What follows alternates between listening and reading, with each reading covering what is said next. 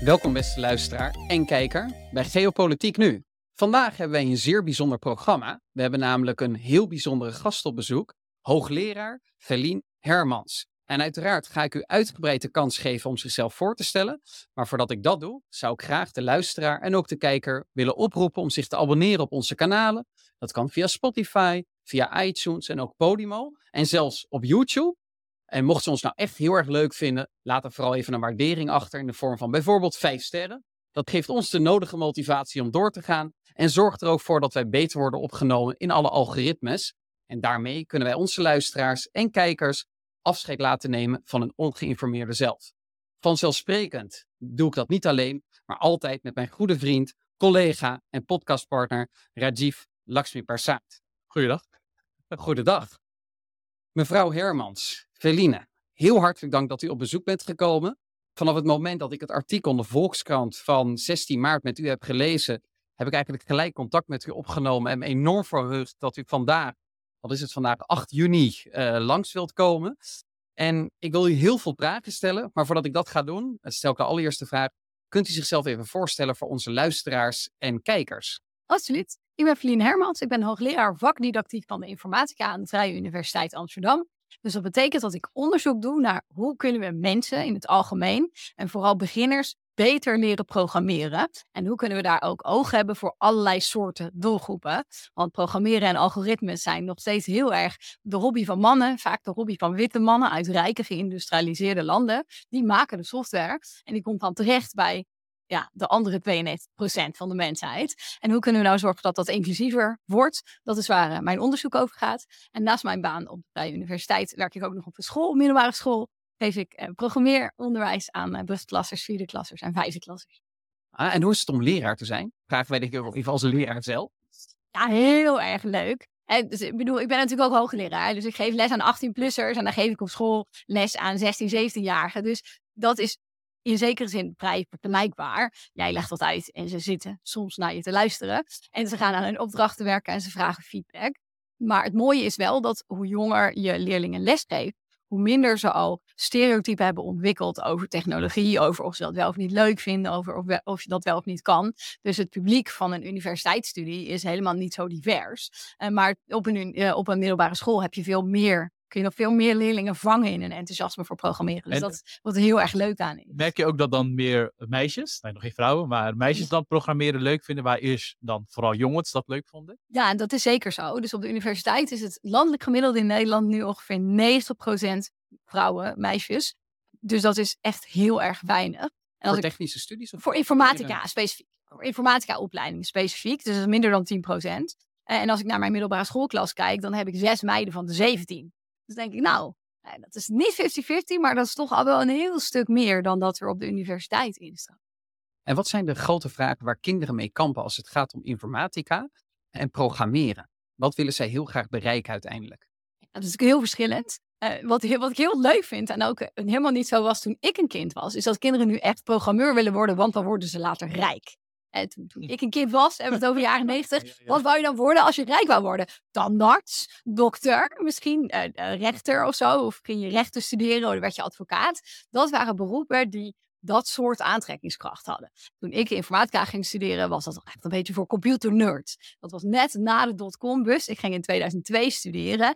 Dus dat was echt voor computernerdjes. Dat was helemaal niet iets wat je uit beroepsperspectief zou kiezen. Dat deed je gewoon, dat was heel erg leuk. En dat is heel erg aan het uh, veranderen. Wat fijn is, want daardoor trekt het dan ook een veel breder publiek aan. Als mensen, heb het ook weer over meisjes, denken dat iets voor computernerds is, dan denken ze, ja, dat is niks voor mij. Terwijl dat soort economische perspectieven kan stereotypen overpoweren. En dan denken, ja, kan voor computernerds zijn, maar ik wil ook graag 100.000 euro per jaar verdienen bij Google. Dus ik ga het toch doen. Dat is een heel interessante verandering die zich in mijn leven, dus in een redelijk korte tijdspanne, echt heeft afgespeeld. Ja, ik merk het ook in mijn directe omgeving, dat mensen die in de IT zijn gaan werken. Nou, ik had al een eh, goede vriend waar ik heel goed mee omga, die verdient echt bakken met geld.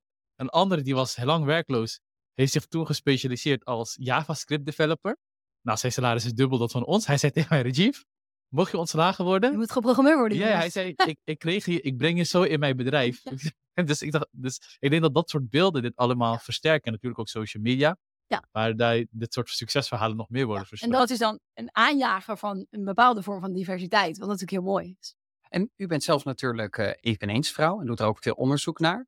Eh, naar hoe we vrouwen, eh, en u zet zich daar actief voor in, Ja, hoe we vrouwen kunnen betrekken in de informatica. Maar je bent zelf natuurlijk ook ooit meisje geweest. Ja. Waar is bij u de passie ontstaan voor informatica? En later gaan we natuurlijk ook nog dieper op in, artificial intelligence, ofwel kunstmatige intelligentie. Ja, ik weet dat dus helaas niet meer. Ik vroeg het ook aan mijn ouders van, ja, kunnen jullie nog herinneren waarom ik op die computer wou? Maar ik kan me niet anders meer herinneren van mijn hele leven, dat ze gauw dat wij een computer thuis hadden, en toen was ik waarschijnlijk een jaar of zes, dat ik daar op wou en dat ik daar dingen op wou gaan maken. Nou ben ik wel sowieso echt een maker. Ik hou ook bijvoorbeeld heel erg van kleding maken en van tekenen en van knutselen. Dus dingen maken is iets wat in mijn natuur zit. En op computer, is, dat is de ultieme maakomgeving. Er gaat niks op, er gaat niks stuk. Je kan zoveel bedenken als je wil. En je bent alleen door je eigen verbeeldingskracht beperkt. Maar verder kan alles. Maar ja, dus zolang als ik me kon herinneren, dacht ik, oh, computer. Ik ga spelletjes maken en programma's maken. En dit is leuk. Dit is wat ik leuk vind. Ik weet niet waarom. Als ik het nog zou we- weten van die tijd, zou ik het zeggen. Maar ik weet het echt niet meer. Ik kan me niet anders herinneren dan dat ik dat gewoon wil. Nou, u toont zich hier wel mee de optimale, de ideale persoon om de volgende vragen voor te leggen. Cool. En dan met name één prangende vraag die ik u wil stellen. Eh, en dat is, is AI zich aan het ontwikkelen naar een zelfbewust systeem? Of is het slechts, tussen aanhalingstekens slechts, eh, patroonherkenning op massaschaal? Ja, dus een vraag die ons echt allemaal bezighoudt. En ik betrap me er zelf ook wel eens op dat ik met bijvoorbeeld ChatGPT bezig ben. Ik vraag hem iets, hè, dan, dan ken ik het zelf van de menselijkheid toe. En dan komt er een heel goed antwoord uit. En dan denk ik, potjan, drie dubbeltjes, wat is die toch slim. Maar ja, dan moet ik mezelf ook even tot de orde roepen. Het is geen ding of geen mens wat kan denken. Het is niet slim of dom. Het is software. En wat, wat kan het ding wel? Heel goed tekst voorspellen. En dat is ook waar het voor gemaakt is.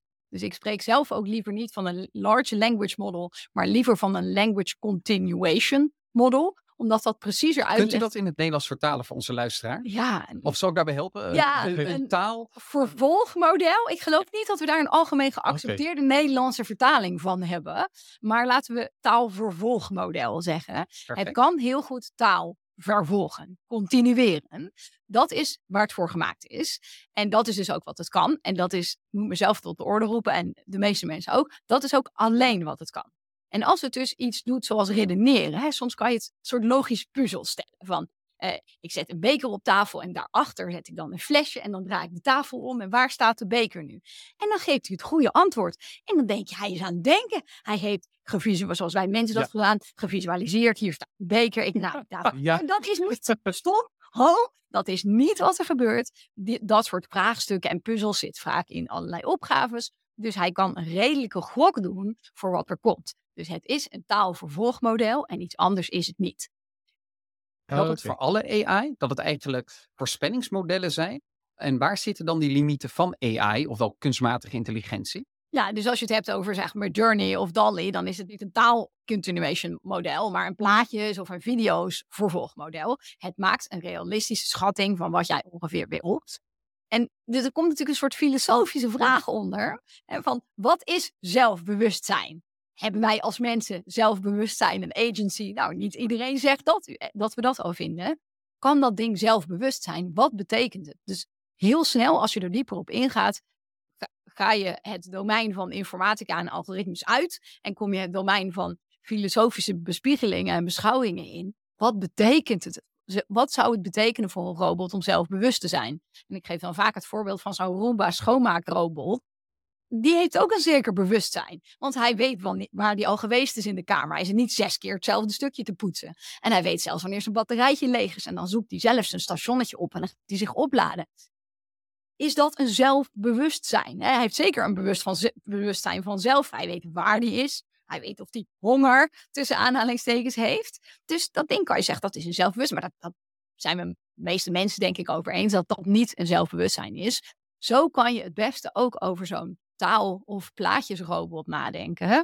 Het weet wel dingen, maar is dat wat een zelfbewustzijn is? En dan is uw antwoord Vinden we meestal niet. nee. Nee. Wat ik keer had gezien in een eh, documentaire met, ik weet niet, het is een professor ergens in Amerika. Ik weet, hij had, eh, deed onderzoek naar het internet en hij had een soort beeld gemaakt dat eh, ja, de, wereld, hoe de, de manier hoe de wereld met elkaar communiceert via internet, had ik dat vergeleken met hoe ons brein werkt, als het ware.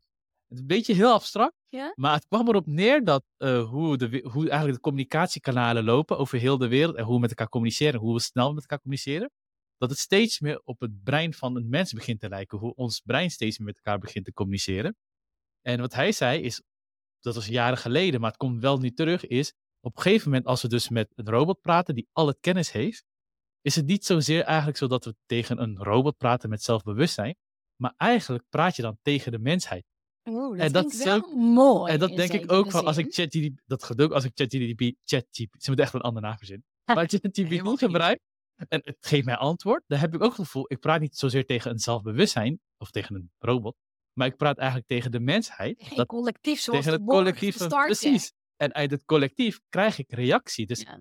ja, de wisdom of the crowds, dat is wat mij wat kennis geeft. Ja, hoe denk jij daarover? Ja, dus crowd, ja. Wisdom, Ja. Dus daar zullen we vast vandaag nog wel meer over spreken. Want dat is natuurlijk ook echt waar mijn onderzoek over gaat. Maar wie is daar de crowd? Welke informatie zit daarin? En wat voor soort informatie komt daaruit? En wij hebben met z'n allen, als de meeste mensen nu een beetje afgesproken, dat als we voorbeelden geven, dat we proberen daar divers in te zijn. En we doen niet meer, de piloot heet Henk en de stewardess heet Marietje. Nee, dat hebben we toch, willen we toch een beetje genderneutraal en cultuurneutraal om iedereen een beeld te geven. Nou, iedereen kan dan een beetje alles zijn en worden in de samenleving. Nou ja, vraag jij maar eens aan ChatGPT moet je doen. Dat was een heel leuk, eh, leuk tussenquotes voorbeeldje van eh, GPT. Kan je een voorbeeld verhaal schrijven over eh, een stewardess en een, een vrachtwagenchauffeur die iets gaan beleven. Nou, alle stereotypes, echt alle registers gaan open. Die vrachtwagenchauffeur, hij is heel stoer, maar hij heeft een klein hartje en hij heeft een grote tatoeage. En de stewardess is heel zorgzaam en ze wil altijd dat iedereen een fijne tijd heeft. Dus je denkt, wow, wat Maar dat is jaren gelijk- 60, maar dat hoe is- gaat het? hè? Maar dat is dus blijkbaar wel nog wat het tot nu... Tuurlijk, dat gaat veranderen. Maar wat tot nu toe op papier, of op papier, eh, digitale papier staat, toch? Ja, Dus maar- En hoe, en hoe beschouwt We u willen dat, veel mensen willen dat nu liever wat anders. Oh, En, en, en, ja, inderdaad, en hoe beschouwt u dat? Denkt u, oh mooi, dan hebben we een inzicht van hoe de mensheid kijkt naar bepaalde thematiek? Of denkt u, nee, juist als zo'n chat GPT eh, dit zo stelt, dan versterkt dat die stereotypen die er al heersen? Dus dat, dat laatste is heel erg waar. De kans is groot dat als we dit en masse gaan gebruiken om tekst te genereren, dat die strijd die veel mensen, veel mensen ook voor mij gevoerd hebben om meer diversiteit en meer inclusie te krijgen, dat die vlot geautomatiseerd wordt uitgewist, doordat er heel veel content weer gegenereerd gaat worden, waarin die stereotypes versterkt worden. En die om, wil nog wel even op het eerste punt terugkomen, want een hele interessante vraag van, hè, kunnen we hiermee nu de kennis van de mensheid modelleren? Dat is toch wel misschien een beetje hoe dat mensen die dit maken daarnaar kijken. Ik denk, ja, grotendeels witte mannen die dit geprogrammeerd hebben. Ik heb dit systeem niet nodig om te weten hoe de mensheid over mij als werkende vrouw of over mensen die niet wit zijn denken. Daar hebben we echt niet GPT voor nodig. Dat is uitgebreid gedocumenteerd en daar weten we al heel veel van, van mensen hun ervaring die daarover gesproken en gepraat hebben. Dus ja, dit is een model van de wereld, maar natuurlijk een heel zwak aftreksel van wat mensen hun ervaring in het leven zijn. Oké, dus er zitten duidelijk limieten aan in hoeverre eh, ChatGPT een weergave kan geven van zowel ervaringen van mensen als de kennis en als ook vooral de wijsheid Van alle mensen specifiek. van alle mensen. Ja, en dan heb ik nog even één specifieke vraag over die limieten van de AI, ook met het oog op de toekomst. De limieten van de hedendaagse programma's, die heeft u denk ik heel goed uitgelegd. Als u een voorspelling zou moeten doen, voor zover dat kan, hè, en dat lijkt me verdomde lastig, maar ja, ik zou niet weten hoe ik het anders moet vragen. Eh, Hoe ver denkt u dat AI, kunstmatige int- intelligentie, in de toekomst zou kunnen gaan? Kan het op een gegeven moment een zelfbewustzijn krijgen? Is het alleen patroonherkenning of is het wat het nu eigenlijk is, namelijk het voorspellen van bepaalde zaken? Waar liggen die limieten? Ja, dus dan komen we weer terug op het beetje flauwe taalspelletje van wat is zelfbewustzijn? Dus ik zeg vaak, kunstmatige intelligentie bestaat niet. Want intelligentie is iets wat mensen hebben. Dat is een puur menselijk eigenschap. Net als, dan kun je ook vragen, kan de robot verliefd op je worden? Nee, dat kan niet. Want dat is iets wat een uniek een mens heeft. En nogal, ja, een van de, van de meest misschien... In iRobot, dat film zie je dat heel goed. Ja, Dat zegt dat robot, ik ben, ik voel ook. Of ik droom ook, zegt hij, you can dream. A dat- dog can dream, but you can dream. ja. Je kunt niet, hè, er was ook een bekende, eh, een bekende muzikant die zei van ja, maar dit is geen poëzie, dit zijn geen songteksten, want poëzie komt voort uit pijn. En een robot kan geen pijn hebben. Dat kan niet, want dat is de menselijke ervaring. Dus dit soort vragen kun je wel stellen, iedere vraag stellen, maar er is geen zinnig antwoord op te geven. Wat maakt een mens een mens? Wat je ook je definitie is van wat een mens een mens maakt, een robot kan dat niet hebben, per definitie, want dat is namelijk wat een mens een mens maakt. Dus nee, het kan geen zelfbewustzijn hebben, want alleen mensen en sommige dieren kunnen een zelfbewustzijn hebben. Alles wat het is, denk voor de toekomst, ook als het heel indrukwekkend lijkt, denk aan die Roomba thuis. Heeft hij een bewustzijn? Ja. Is dat een zelfbewustzijn zoals een mens dat heeft? Nee. Oké, dus een AI-achtige constructie. Uh, smatige intelligentie zal altijd gelimiteerd worden door de eigen software en de wijze waarop uh, dat apparaat geprogrammeerd is. En dat zou in ieder geval mensen als ik gerust moeten stellen, die toch een bepaalde angst koesteren, of koesterden Ja. vanaf heden, voor een zelfbewust Ja. AI-programma dat uiteindelijk tot grote gevaren kan, le- Ja. eh, kan leiden in de samenleving. En wat misschien ook nog wel heel interessant is om op te merken in, in de scope van dat gevaar, is dit specifieke gevaar wordt een soort reclame voor gemaakt, in een zekere zin, door mensen uit Silicon Valley. Dus de makers van OpenAI, Elon Musk-achtige types, Ja. die zeggen nu allemaal, ho, let op, het kan de wereld overnemen. Ook bij het congressional, congressional Ja. hearing. En je zou kunnen zeggen, je zou op het standpunt kunnen staan dat ze expres dat gevaar fix oppompen, omdat het een heel abstract gevaar is, waar nu nauwelijks nog risico op is, eh, wat een heel lange termijn gevaar is. A, zodat ze meer geld krijgen om aan hun speelgoedjes te werken. En B, om het over de veel korter termijn gevaren, waar we vast ook vandaag nog wel even op terug zullen komen, voorlopig niet te hoeven hebben. Want er zijn nu al heel grote risico's aan die systemen, die heel anders zijn dan AI gaat het allemaal uitroeien. Maar als je daar lekker over blijft praten, dan komen die onmiddellijke gevaren helemaal niet meer aan bod, omdat iedereen eenmaal uit zijn plaat aan het gaan is. Hoe de robot de kogels overnemen. Laten Ja, we die lange termijn gevaar dan ook gelijk wegtrekken. En het hebben over de korte termijn Ja, dat is onze voor de volgende vraag. samenleving. Ja. Welke zijn dat? Nou, heel goed dat je dat vraagt. Eh, eentje hebben we heel licht al geadresseerd. En dat is het genereren van heel veel tekst waar we misschien niet achter staan. En dan is bias is er één van de dingen van. Dat er zo dadelijk heel veel informatie komt die allerlei vooroordelen gaat eh, eh, representeren die we niet willen. Maar wat nog veel lastiger wordt, is denk ik dat er zo dadelijk een soort tsunami van informatie aan ons, op ons afkomt. Waarvan we niet meer goed vast kunnen stellen wat er wel of niet klopt. Ik was laatst een artikel aan het schrijven en toen was ik met GPT wat onderzoek aan het doen. En toen zei GPT op een gegeven moment, Paul Rozenmuller was rector van een school in Utrecht. Toen dacht ik, oh, dat is interessant. Ik wist dat niet. Ja. Net voor voor mijn tijd. Zou kunnen. Maar ja, ik weet niet. Mijn Spidey sense zei, ik weet niet zeker of dit klopt. Nou, even kijken. En dan moet ik al best wel wat moeite doen. Dus dan moet ik op Rozenmullers Wikipedia-pagina kijken. Op de pagina van die school. Eh, die hadden geen Wikipedia-pagina. Op hun website. Nou, ik kan het nergens vinden. En dan denk ik, nou, ik geloof niet dat dit klopt. Maar heel veel mensen hebben die tijd niet. Freelancers hebben misschien die tijd niet. Of iemand doet dit als werkstuk, voor zijn profielwerkstuk of zo. Of op een websiteje. Die gebruiken deze informatie. En hoe kunnen we straks nog vaststellen dat dit soort dingen wel of niet kloppen? Ik kijk dan dus op Wikipedia. Dat is, wordt meer en meer mijn, mijn vertrouwensbasis. Want dan weet je dat mensen het gemaakt hebben. Daar kun je nu nog van uitgaan dat dat mensen daarna hebben gekeken. Wat een interessante omkering is. En ze zetten ook de geleden- bronnen eronder ook. Ja. Jaar geleden zeiden we, oh, Wikipedia is geen bron. Maar nu denk ik, Wikipedia is in ieder geval door mensen gemaakt. Maar dit is echt, dit is hoe dat, die desinformatie in de haarvaten van de samenleving gaat slippen. Want vroeg of laat komt er iemand, bewust of onbewust, die mogelijk dat stukje over Paul Rozenmuller op een website, of in een krant zet. Foutje, ik had het te druk om te controleren. Vervolgens ziet iemand dat, dan is het een bron, dan staat het op Wikipedia. En dan is het zo Oh ja, ik snap wat je bedoelt. et cetera, Ja, et snap ik cetera. En dit is een mini-voorbeeldje, want hoe cares dat Paul Rozenmoller ergens wel een director is op. geweest.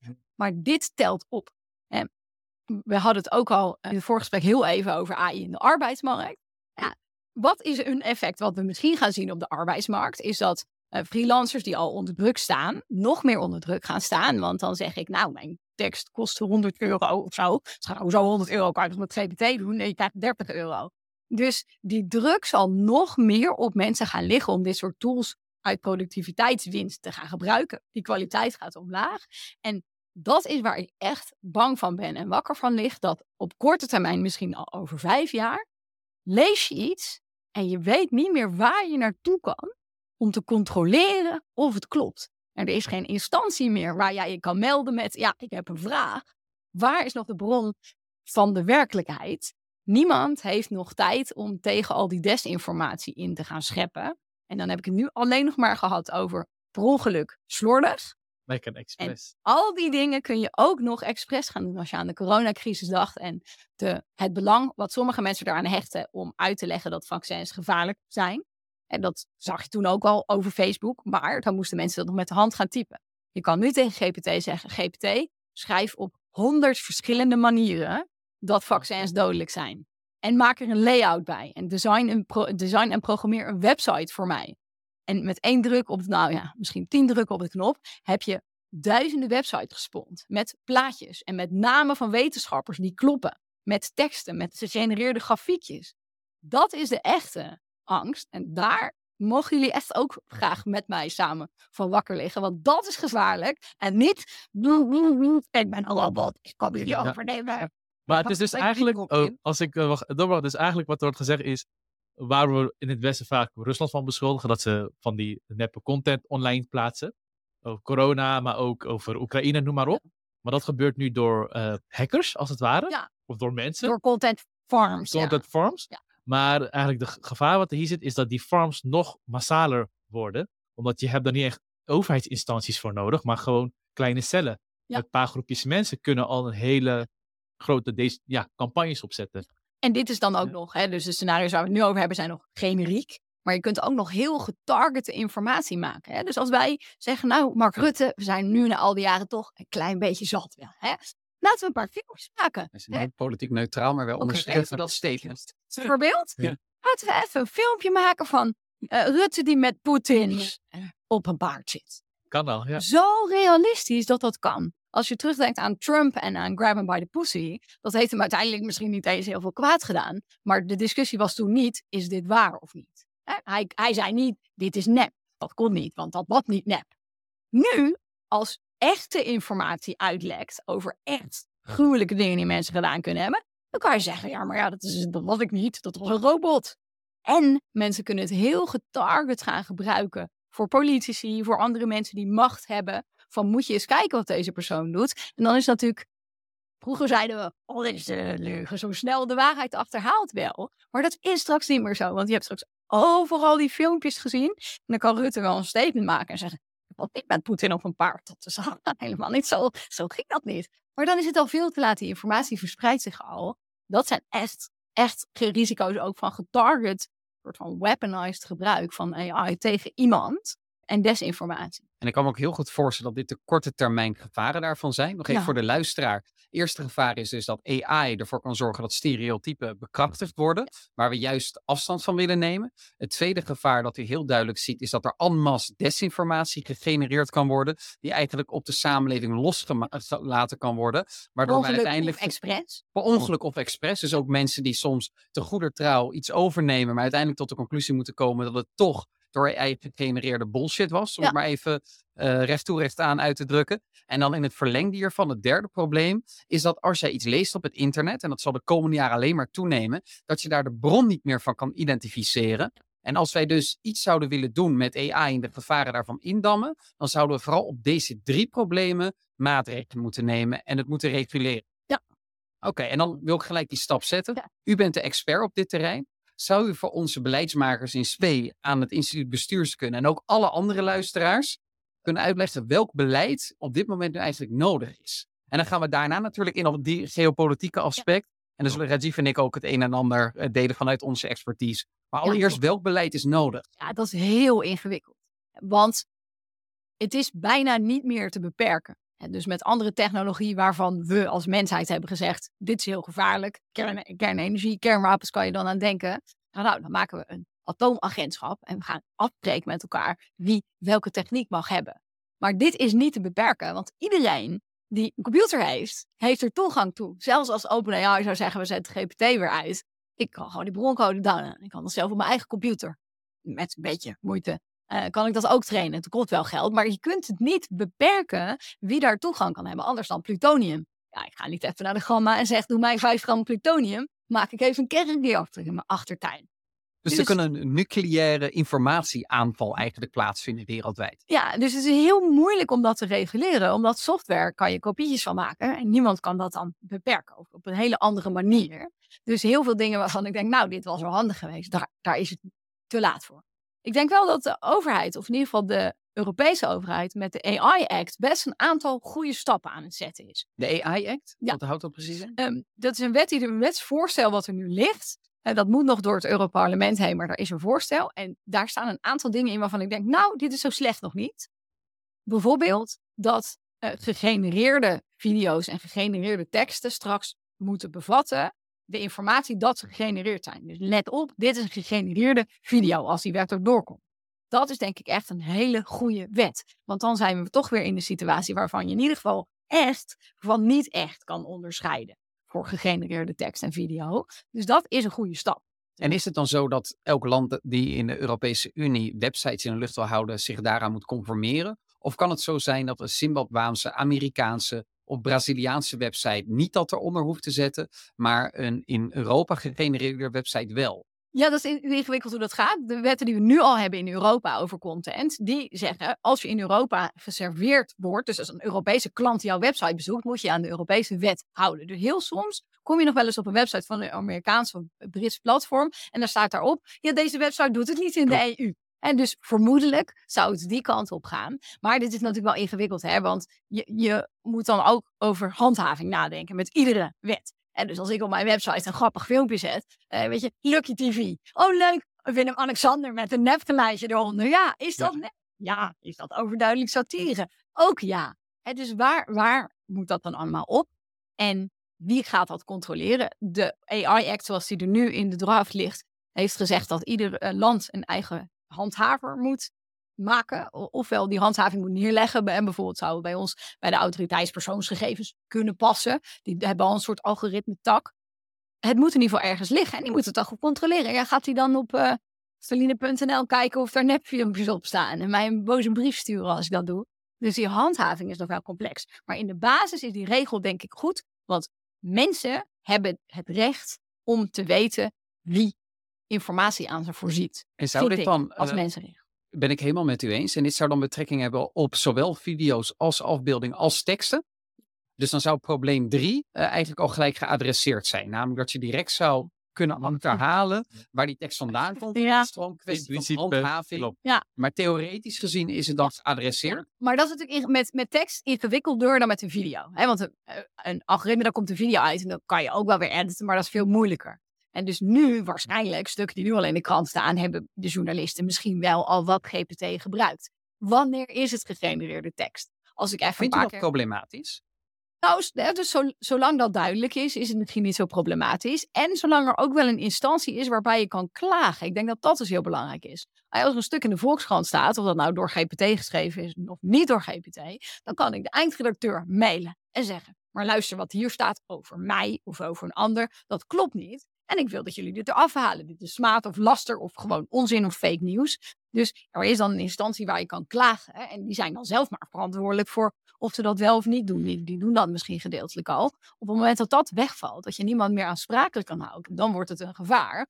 Of dat dan half of 80% gegenereerd is of 100%. Dat maakt misschien niet eens zo heel veel uit. Dus een ander probleem dat u eigenlijk heel duidelijk eh, eh, adresseert is het aansprakelijkheidsprobleem. Ja. Dus dat is voor de luisteraar heel duidelijk welke vier grootste problemen op korte termijn al kunnen opspelen voor onze samenleving. Dan hebben we met de EU-act, ik ben even de naam kwijt. De AI Act. Dus De de, AI van Artificial Intelligence. De AI Act van de EU. Ja, dat is bijna niet Ja, de AI-act van de EU, die in ieder geval eh, goede stapjes zet, maar het is ook nog een kwestie van handhaving. Zijn er nog meer maatregelen die genomen zouden moeten worden om te voorkomen dat AI heel grote risico's met zich meebrengt? Ja, wat ik dus persoonlijk als eh, ook wel advocate van open source heel belangrijk vind, is dat die modellen transparant zijn en dat die code online staat. En dat wij allemaal die code zouden kunnen lezen. Dat vind ik trouwens ook van code überhaupt van de overheid. Alle code zou beschikbaar moeten zijn, zodat als het zoveel impact op de wereld heeft, zodat iedereen kan kijken wat daar gebeurt. En ik vind, ik vind persoonlijk dat de AI Act daar nog niet eens ver genoeg in gaat, want die zeggen, die mompelen een beetje iets over transparantie van modellen. En ik vind dat, ook al is het misschien lastig te handhaven, dat ChatGPT zoveel impact nu op de wereld heeft, dat wij allemaal recht hebben om die broncode te lezen en te begrijpen wat daarin staat. Ook al begrijp ik dat dat natuurlijk voor de meeste mensen helemaal niet zo toegankelijk is, toch moet dat er zijn. En OpenAI heeft daarover zelf ook in, tijdens hun oprichting heel wat uitspraken zelf gedaan. Oh, wij komen ten goede van de mensheid en we gaan alles open publiceren. Dat was natuurlijk niet zo. En wat, oké, als voor de gemiddelde luisteraar en kijken, oké, de broncode wordt openbaar gemaakt. En wat kan je daarmee? Is het dan dat mensen die daar wel kennis van hebben kunnen nagaan hoe zoekt het informatie op? Wat, wat voor, hoe zou het gevaar geweken kunnen worden? Ja, je, ja, je verwacht natuurlijk niet dat iedereen dat gaan le gaat lezen. Maar net als, net als we in Nederland zijn, hebben we de wet openbaar bestuur. Dus je kan als burger zeggen, geef mij al je informatie daarover. Niet iedereen doet dat, maar sommige mensen doen dat wel. En die duiken daarin. Hè. Follow the Money is een website die heel erg veel goed werk doen op basis van dat soort informatie. Vaak zijn dat het betere journalisten vrijwillig, omdat ze echt gefocust zijn. Echt gefocust zijn en kennis hebben. Dus hè, we zijn met 7 miljard op de aardbol. We hoeven niet allemaal die code te lezen. Maar geef ons mensen die, dat, die daar iets mee kunnen, die informatie. Zodat je dan vervolgens nog veel gerichter op de gevaren kan wijzen. Want heel ik geef natuurlijk ook wel eens lezing hierover. En dan zeggen mensen, ja, maar hoe werkt het precies? Zeg, nou ja, dit is wat we weten. En hier zijn stukken. We weten het niet. Zelfs niet mensen die het zouden kunnen snappen in de basis. Want we krijgen de informatie niet. Dat is natuurlijk voor dus iets wat zoveel impact heeft. Ja, die transparantie. Ja, die transparantie zou dan ook veel duidelijker kunnen maken uh, waar die gevaren dan precies zitten. En dan kan eventueel uh, natuurlijk een specialist als u die broncode controleren. Maar ik denk ook dat er een preventieve werking van uitgaat. Namelijk dat als een bedrijf weet dat een broncode gepubliceerd wordt en transparant gemaakt wordt, dat het dan misschien zelf ook beter zal nadenken over wat in, in die broncode komt te staan, omdat je weet dat je erop gepakt kunt worden. Ja, dus zeker. preventieve werking is denk ik ook erg. Ja.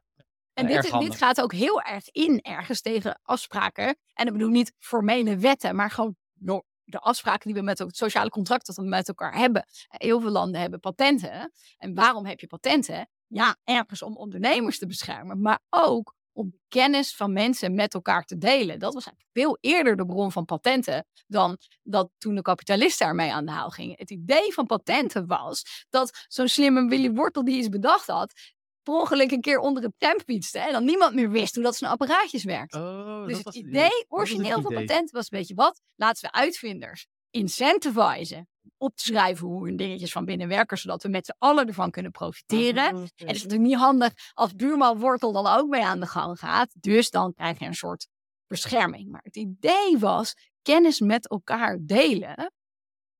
Ja, oh, in plaats van vroeger, ik hou het geheim. In plaats van.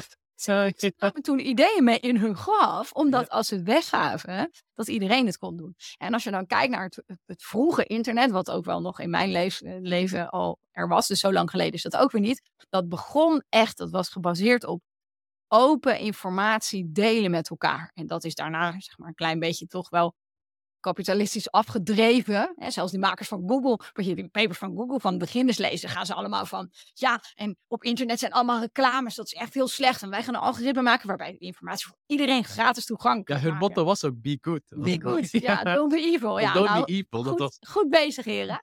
um, maar dus dat begon vanuit een soort vrijheid. En dat is steeds minder en minder vrij en minder en minder gratis geworden. Dit begint al in een extreem kapitalistische situatie, waarin niks vrij is alleen maar de verkeerde kant op gaan. Nou, uh, nu zijn we toch weer bij de risico. Maar als we dan, uh, dan verder kijken naar de gevaren op de korte termijn. Ik denk waar veel mensen ook, nou, ik weet niet of mensen echt zorgen over maken in dit krappe arbeidsmarkt. Maar toch, wat voor effecten zal het dan hebben op de arbeidsmarkt? Want als ik een advocaat van de duivel mag zijn, zou ik bijvoorbeeld zeggen, ja, vanaf als ik naar krantenstukken kijk vanaf 1930, en zelfs vanaf de industriële revolutie, werden machines kapot gemaakt. Zeg ja, dat gaat onze banen innemen. Maar je ziet elke keer bij elke technologische innovatie dat eigenlijk toegevoegde waarde dermate toeneemt dat er altijd weer nieuwe banen bij komen. Want bedrijven inderdaad in eerste instantie maken extra veel winst. Dat is zo. Maar ze gaan het weer herinvesteren, weer opschalen. Is het bij AI ook zo? Of is dit wel echt iets anders dan al die eerdere innovaties dat voor Dat is heel lastig. Hè? Dus ergens ben ik heel erg genegen om te zeggen: het is hetzelfde als anders. En toen fotografie kwam, zeiden mensen ook: nou, die journalisten kunnen wel eh, met pensioen, want we gaan gewoon foto's afdrukken. En die kunstenaars kunnen met pensioen, want ja, waarom zou je nog iets schilderen als je ook een foto kan maken? Het is toch allemaal anders gelopen. Eh, dus ergens denk ik, nou, het, zal wel meevallen. Eh, maar ook daar zal je wel, je zal wel een impact krijgen. En dat is vo- voornamelijk, denk ik, die impact die ik net al eerder beschreef. Dat sommige banen, die, zoals journalist bijvoorbeeld, nu al best wel op de tocht staan. Als je kijkt naar de baanzekerheid die journalisten hebben vergeleken met 20, 30 jaar geleden, zijn dat toch allemaal meer kwetsbare freelancers dan toen. Daar zal op bezuinigd worden, want kranten moeten ook winst maken en hebben misschien minder oplagers dan vroeger. Ik nou, dan kan het allemaal goedkoper. En dan betalen we dan misschien wel de prijs voor in kwaliteit. Dus dat is wel een impact die het zal hebben. Niet zozeer denk ik dat banen echt gaan verdwijnen. Maar wel dat bepaalde banen die nu veel verdienen, minder gaan verdienen. Ehm, maar dat daardoor dan ook de kwaliteit afneemt. Ik denk niet dat de kwaliteit toe gaat nemen door GPT. Ik denk dat de kwaliteit van tekst, codes, plaatjes, video's, alles, de kwaliteit gaat afnemen. De prijs gaat waarschijnlijk ook afnemen, maar de kwaliteit gaat ook afnemen. Oké, maar zou je dan ook niet kunnen zeggen van, oké, we laten heel veel standaardwerk door inderdaad AI doen. En nogmaals, advocaat van de duivel, dat zeggen, we huren een paar mensen aan en dat worden, we worden steeds meer bij elk baan kwaliteitsdossiers, om toch die kwaliteit hoog te houden. Ja, maar Of een kwaliteitsbeoordelaar, Ja, zou ik dus- moeten zeggen. Ja. er zijn heel veel antwoorden op te geven. Hè? Dus iets controleren is misschien wel net zoveel werk als iets schrijven. Dus wat is dan echt je tijdswinst? En want als je zelf iets schrijft, dan ben je ook gedeeltelijk aan het reflecteren, aan het denken. En als jij een stukje krijgt, dan ben je heel snel genegen om te denken, nou, klopt wel ongeveer. Dus dat is helemaal niet zo leuk werk. Maar het is niet per se sneller werk. Want iedere zin controleren, op grammatica, op spelling, op interpunctie, maar ook op inhoud, is dat echt sneller dan het zelf. Plus, je kunt natuurlijk niet echt iets nieuws maken, want het is alleen maar het, het herhalen of het opbraken van al bestaande informatie. Ehm, dus ik denk niet per se dat echt de kwaliteit leveren, de kwaliteit controleren sneller is dan gewoon typen. Wat ik wel denk is dat de banen veel minder leuk zijn. En het meest aansprekende voorbeeld dat we nu al hebben is denk ik de kassa bij de Albert Heijn. En dus vroeger als je aan de kassa zat bij de Albert Heijn, dan was je iets aan het doen. Dan was je boodschappen aan het scannen, dan kon je misschien gewoon een beetje met mensen kletsen. Kan je je voorstellen dat dat best een prima, een prima baantje is. Die baan bestaat al niet meer. Door AI, nog niet eens GPT, maar gewoon door computers. Wat is die baan geworden? Nu hangen ze op dat kassaplein te staan. Niet te zitten, maar te staan. Wachten. Totdat dat apparaatje van de Albert Heijn zegt: pip, pip. Dat vrouwtje daar met die groene tas, ga die maar even controleren. Dus wie is de baas van een kassamedewerker nu? De computer. En wat moet je dan doen? Dan moet je naar iemand toe lopen en dan moet je scannen. Hoe lang moet je scannen? Tot de computer zegt dat je genoeg gescand hebt. En dan mag je weer terug naar je plekje, mag je daar weer gaan staan. Wachten tot de robotten je oproepen. Dat is nu, hè? Dat Ja, is niet ja. een toekomst over vijf jaar, dat is nu. Dus kijk even naar hoe die mensen hun baan uitgerold is. Fysiek staan in plaats van zitten, hangen, wachten. En wat is de winst die we daar hebben?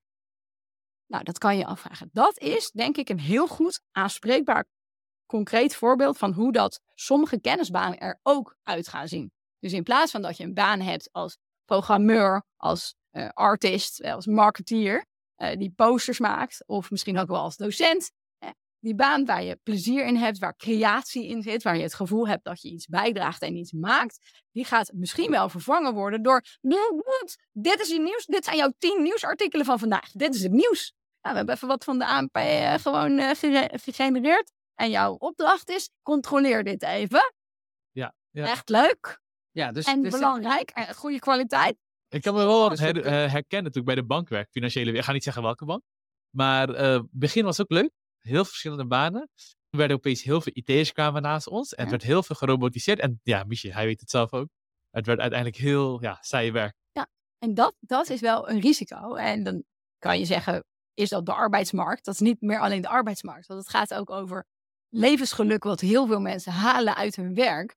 Of je dat nou als kassamedewerker of als bankmedewerker of als docent of journalist hebt. Mensen halen betekenis uit iets doen waar ze waarde in zien. En dat is wel iets wat eruit gaat, denk ik. Dat je veel minder wat natuurlijk al heel veel mensen op de wereld hebben, hè, die in fabrieken werken, die hebben dat ook nu al. Die gewoon moeten doen wat er langskomt en je hebt helemaal geen denkpower. Dat, uh, die industriële revolutie, als die op kenniswerk gaat komen, dan zal sommige kenniswerker nog uh, ja, uh, zuur komen te staan. Hoe vervelend dat is als je voortdurend moet doen wat de computer zegt. Wat dat betreft is de waarschuwing van Marx voor zelfvervreemding als gevolg van robotisering en industrialisering actueler dan ooit als gevolg ja. voor AI. En is er niet Zeker. alleen maar van toepassing op fabrieken, maar zeker ook in kennissectoren. En dat brengt ons denk ik bij het einde van de eerste podcast, waar wij de effecten van AI op de samenleving hebben be be besproken. Natuurlijk zijn we vooral ingegaan op de korte termijn gevaren. In het begin hebben wij het ook gehad over de potentiële angstscenario's die wereldwijd nog wel eens gebezigd worden. U geeft daarvan aan, daar hoeven we niet te angstig voor te zijn. En we moeten dat vooral niet als afleiding accepteren voor die korte termijn gevaren. Absoluut. En die korte termijn gevaren, die luiden eigenlijk stereotypen bevestigen. Dat we niet meer weten waar informatie vandaan komt. Uh, en dat er een massale uh, desinformatiecampagnes op gang gezet kunnen worden. En dat we uitholling van leuke functies op de arbeidsmarkt ja. krijgen. Ja, en niet alleen leuk, maar ook als je het bijvoorbeeld over journalisten hebt of over docenten, ook belangrijk voor de volgende generaties. Dus je hebt een uh, onmiddellijk impact op, ons. zeg maar even contentmakers, als je docenten zo kan zien. Maar daar nog langer termijn op onze studenten en onze lezers, die straks helemaal niet meer weten wat waar is. Nou, dan is het einde helemaal zoek. Ja, dan is het einde absoluut zoek. In de volgende podcast zullen wij natuurlijk uitgebreider stilstaan bij ook de leuke kanten van AI, de potentie die AI ook met zich meebrengt. En ook bij de geopolitieke dimensie. We weten natuurlijk niet voor niets geopolitiek nu. Ja. Maar Rajiv en ik met name, en wellicht ook enkele luisteraars, zijn wat minder ingelezen in het AI-topic. Dus vandaar dat wij voldoende tijd wilden reserveren om zelf ook afscheid te kunnen nemen van ongeïnformeerde zelf. En hopelijk heeft u als luisteraar dat ook kunnen doen.